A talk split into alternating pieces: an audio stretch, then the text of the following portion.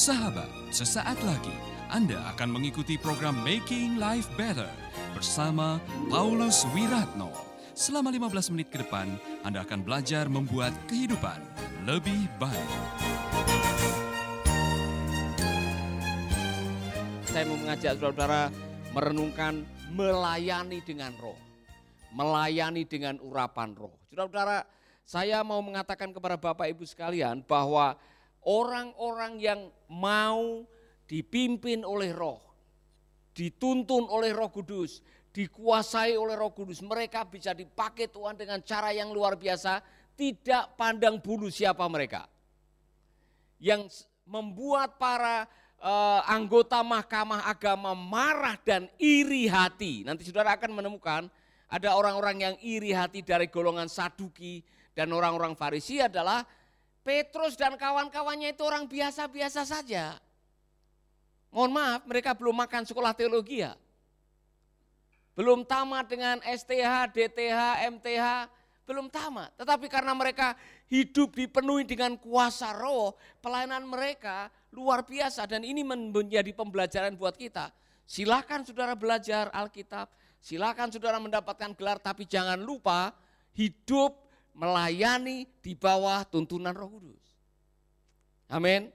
Ya, sebelum saya menjelaskan ini, saya diingatkan kembali cerita Mbah Marto Gunung. Sebagian saudara yang di studio sudah dengar, tetapi mungkin sebagian saudara-saudara belum pernah dengar.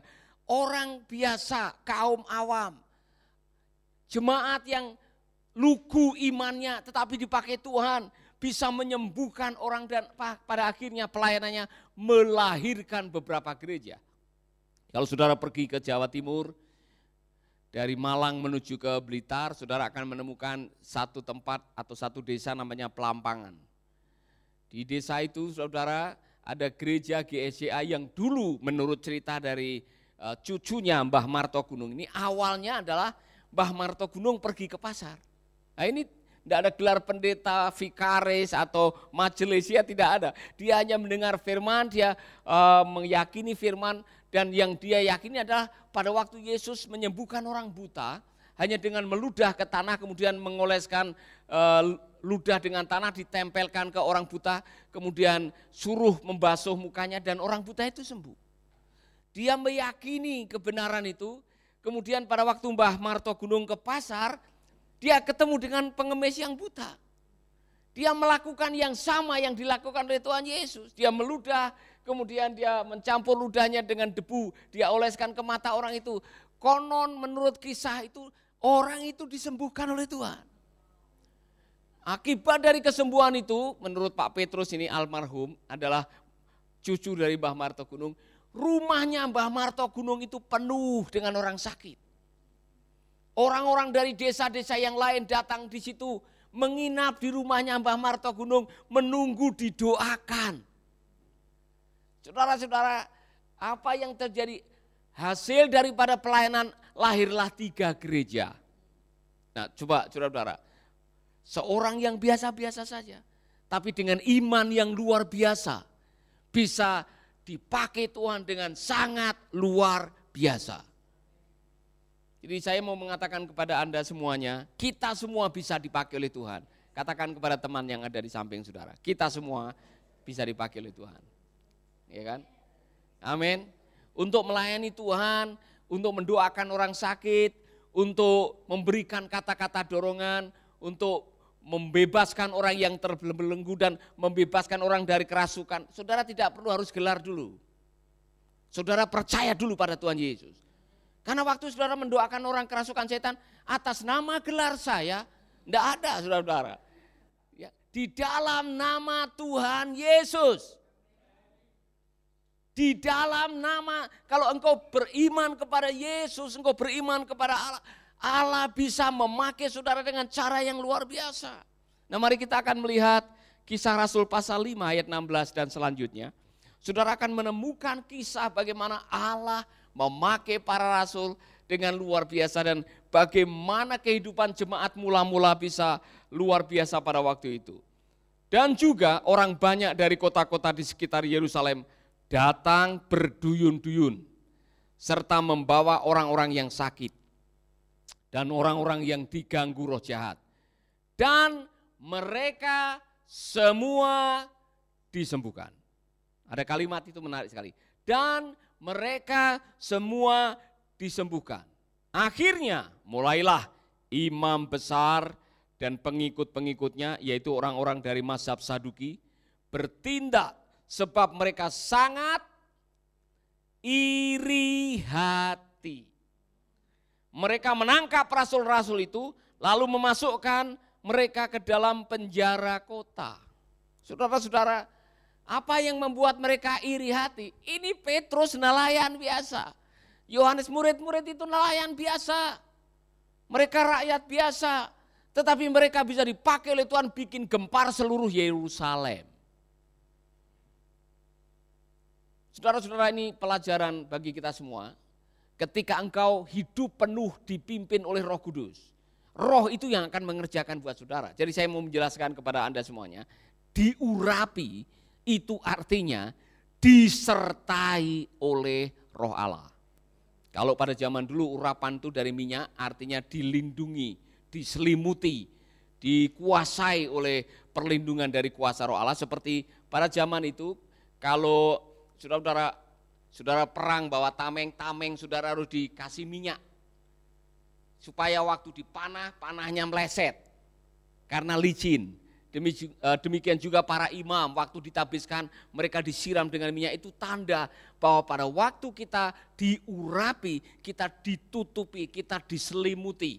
Maka di dalam kisah Rasul 1 ayat 8 dikatakan kamu akan dipenuhi, diselimuti dengan kuasa roh kudus. Saudara-saudara, pada waktu kita diselimuti, disertai ke mana pun kita pergi, kita diurapi. Dan saya mau mengatakan kepada Anda semuanya, Urapan itu datang dari hubungan dan iman. Bukan dari rutinitas. Jadi jangan pikir, oh saya pengen diurapi Tuhan. Kemudian saudara merekayasa urapan. Ada yang mau membeli urapan tuh, ya kan? Si Simon penyamak kulit mau beli. Siapa tahu saya bisa membeli. Saudara-saudara, urapan tidak bisa direkayasa.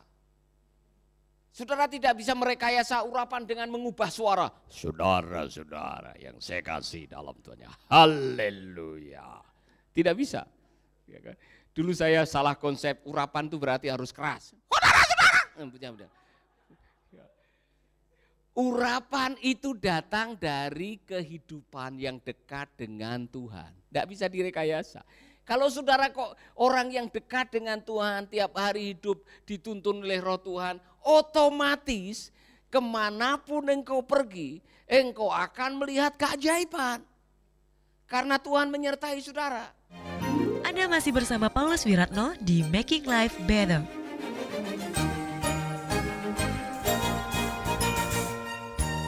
Jangan sampai saudara mengatakan saya pengen diurapi Tuhan. Saya mau puasa 40 hari 40 malam supaya bisa mengusir setan. Telat. Setannya terlanjur mencabik-cabik orang itu. Ya kan? Kalau nunggu 40 hari 40 malam. Yakini bahwa engkau dikuasai, engkau hidup di dalam kebenaran, engkau berjalan dengan Tuhan. Tumpang tangan dan berdoa. Amin. Pelajaran yang saya pikir penting Akhirnya mulailah imam besar dan pengikut-pengikutnya yaitu orang-orang dari mazhab Saduki bertindak sebab mereka sangat iri hati. Saya jelaskan sekali lagi, mereka ini golongan orang beragama. Mereka ini adalah golongan orang yang religius. Jadi saya ulangi saudara, musuh kekristenan itu bukan setan.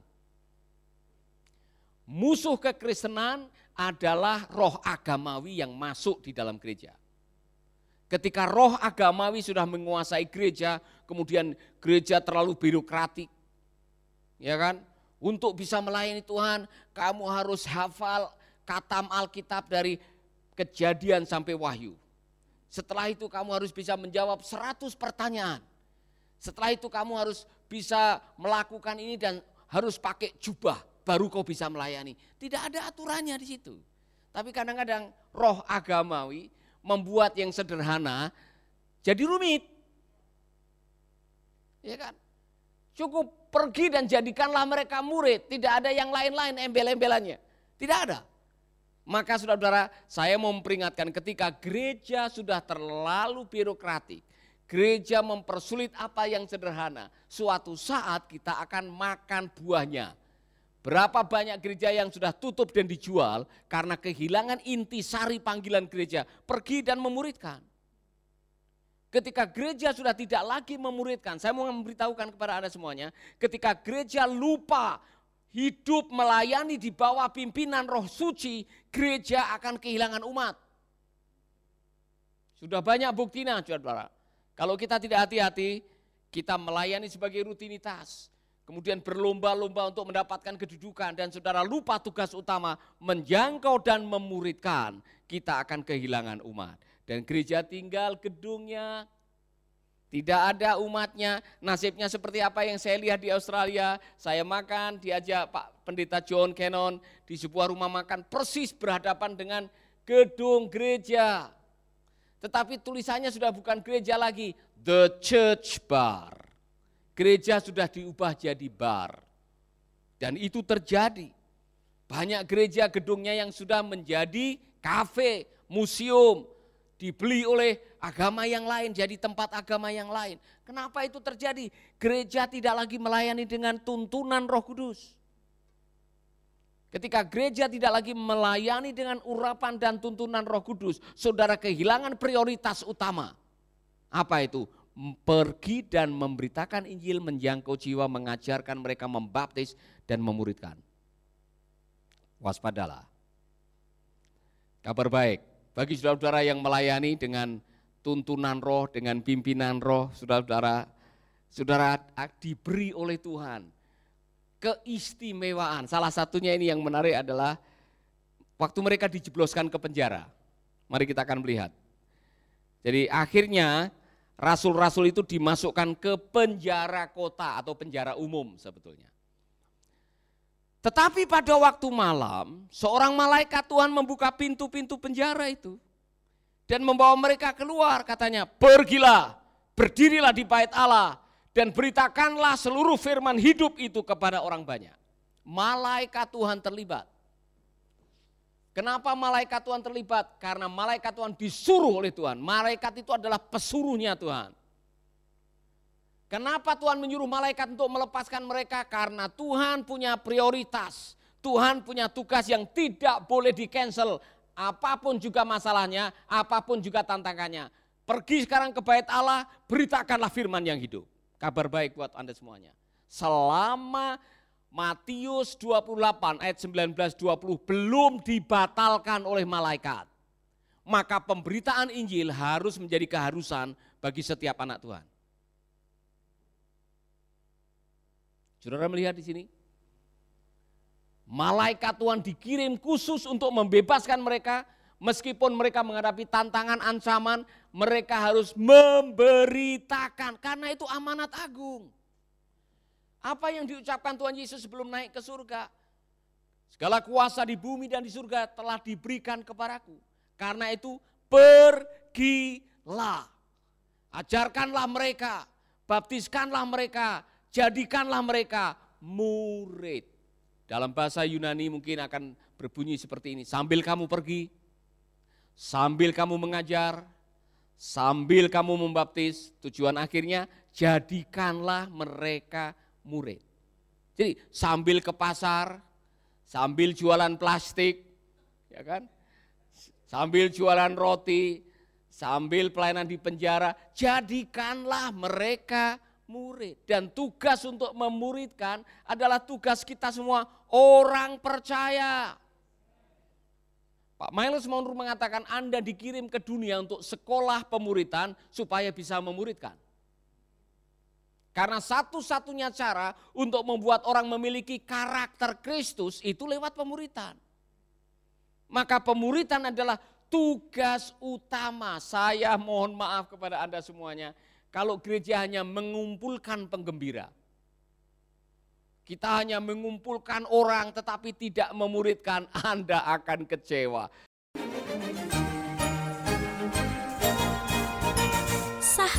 Anda baru saja mendengarkan Making Life Better bersama Paulus Wiratno.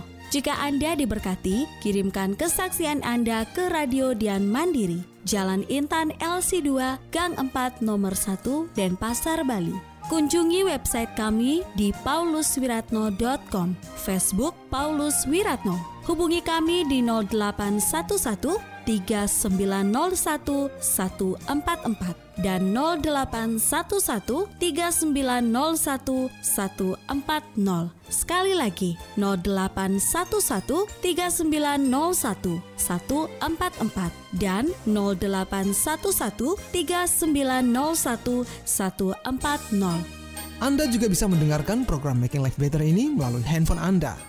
Download aplikasinya di Play Store atau App Store.